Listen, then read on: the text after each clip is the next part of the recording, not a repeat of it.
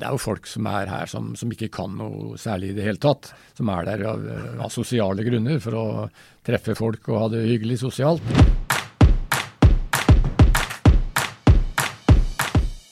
De er kjente og kjære, disse quiz-karene som reiser landet rundt. Blir de noen gang sjekket opp?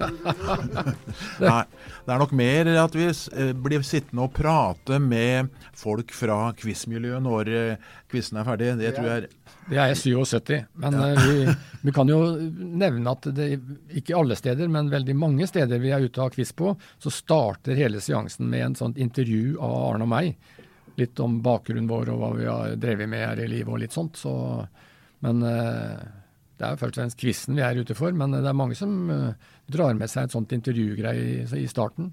Det er ganske vanlig, til og med. Podkasten med Skeie og Drillo er laget i samarbeid med quiz-appen Kardinal, hvor du kan vinne 1000 kroner. Du finner den i AppStore eller på kardinal.app. Det å lage quiz er en alvorlig sak. Å delta krever at du har sportsånd. Men hender det at noen tar våre to i feil? Nei, Det har vi vel ikke vært borti, har vi det, Arne? Nei, det tror tror jeg ikke. Det er noen som, eh, noen som, selvfølgelig er litt irritert på seg selv for at de ikke greier det spørsmålet, men eh, nei, eh, det tror jeg ikke. Jeg tror vi har såpass uh, så stor respekt hos folk at det er vel ingen som våger liksom, å komme og si at nei, du tar feil. Vi har vel ikke, Det er ingen nei. som tør det får de mange rare svar. Ja, det får vi jo, men uh, uh, vi, vi, sjekker jo stort sett de riktige svarene. Det er klart at uh, det er jo med så mange steder vi har vært, med så mange lag som har deltatt, så vil det jo være faktisk lag som ikke svarer engang på spørsmålene. Altså det er Det er jo folk som er her som, som ikke kan noe særlig i det hele tatt. Som er der av, av sosiale grunner for å treffe folk og ha det hyggelig sosialt som ikke kan så mye, det er naturligvis en god ja. del av. Så spriket mellom de beste og de dårligste, det er selvfølgelig ja, relativt stort. Det er veldig stort. Er det noe fra quiz-turene våre to ikke vil glemme? Ja, det, altså det Brekken hvor det var eh, fantastisk opplegg først med Eh, med middag. Det gamle fotballaget til Brekken eh, møtte vi, hvor bl.a. Bjørn Wirkola spilte. Han hadde tatt seg til, til, Brekken. Og så var det da etterpå eh, fest på lokalet, quizfest. Det var jo en fantastisk opplevelse. Det var nesten like mange folk på det forsamlingslokalet som var innbyggere i, i Brekken. Ja, og dagen etter så, så viste det oss rundt i i Brekken i området. og jeg synes det var, det var jo utrolig morsomt òg. Vi fikk jo uh, alle, eller mange vet jo at Glomma kommer fra Aursund, og var ved Aursund og fikk, et, fikk et bilde av der Norges uh, lengste elv kommer fra. Veldig, ja, vi opplever ved siden av akkurat den timen, to timene med quiz, så er det veldig, veldig mye hyggelig, ikke minst hyggelige mennesker vi møter. Jeg har jo lært veldig mye geografi. Jeg, eh, jeg, kan ikke spesielt mye geografi, men jeg har jo lært mye eh, geografi eh, av Egil. Og jeg, selv jeg kjører jo noen sånne geografispørsmål til eh, folk. Du får korrigere meg hvis ikke jeg er riktig. Egil, verdens folkerikeste stat uten havlinje er jo et uh, et spørsmål jeg bruker. Og så sier jeg at uh, dette er ikke et hvilket som helst land, for jeg tror det bor mellom 80 og 90 millioner der. Da skal vi til Etiopia, naturligvis. Uh, det er faktisk ikke så mange som vet det, men det er faktisk flere som vet hva verdens største land som uten kystlinje heter. At, det er Kasakhstan.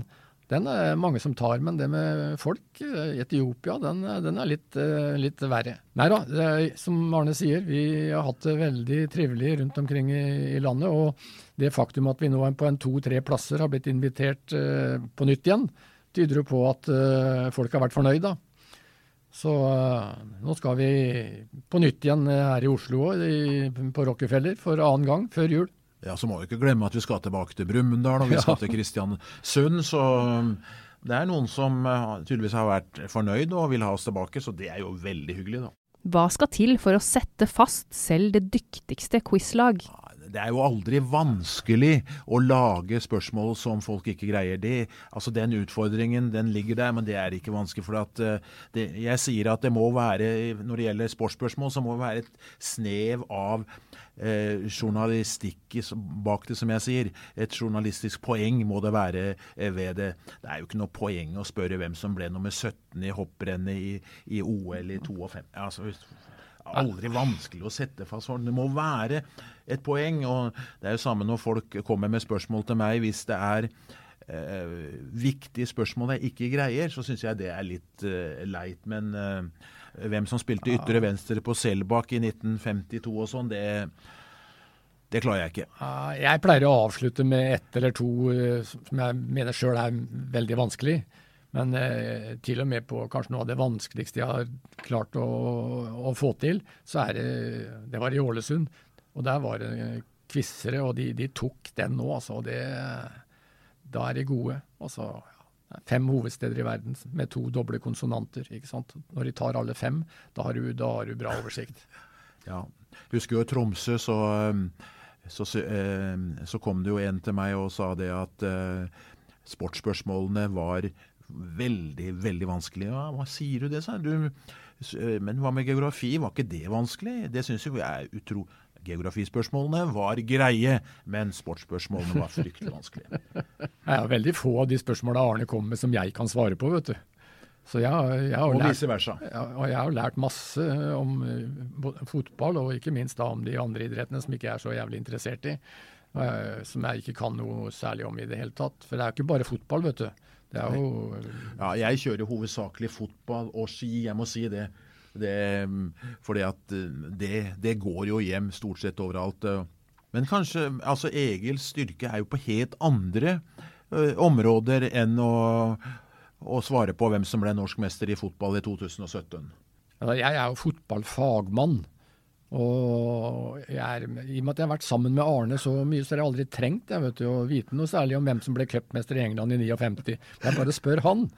Og så må jeg også innrømme at eh, når du eh, passerer 70 og vel så det, så, så merker du at eh, hukommelsen ikke er som han var når jeg var 25. Eh, jeg hadde en periode når jeg var ung hvor jeg hadde såkalt klisterhjerne. Det er, eh, har jeg mista for lengst, så nå må jeg jobbe mye hardere for å henge med på, også på geografien.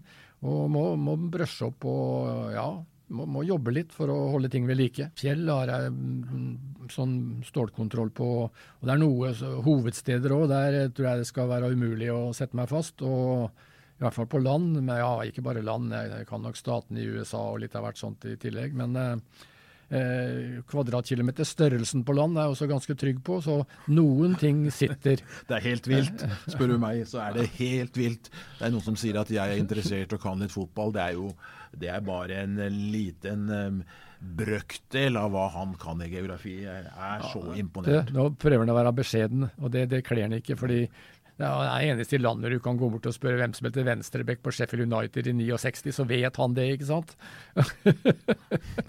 jeg er, jeg er inter veldig interessert i fotball, men på, det, er, det, er, langt at jeg kan spesielt mye. Men eh, interessert er jeg.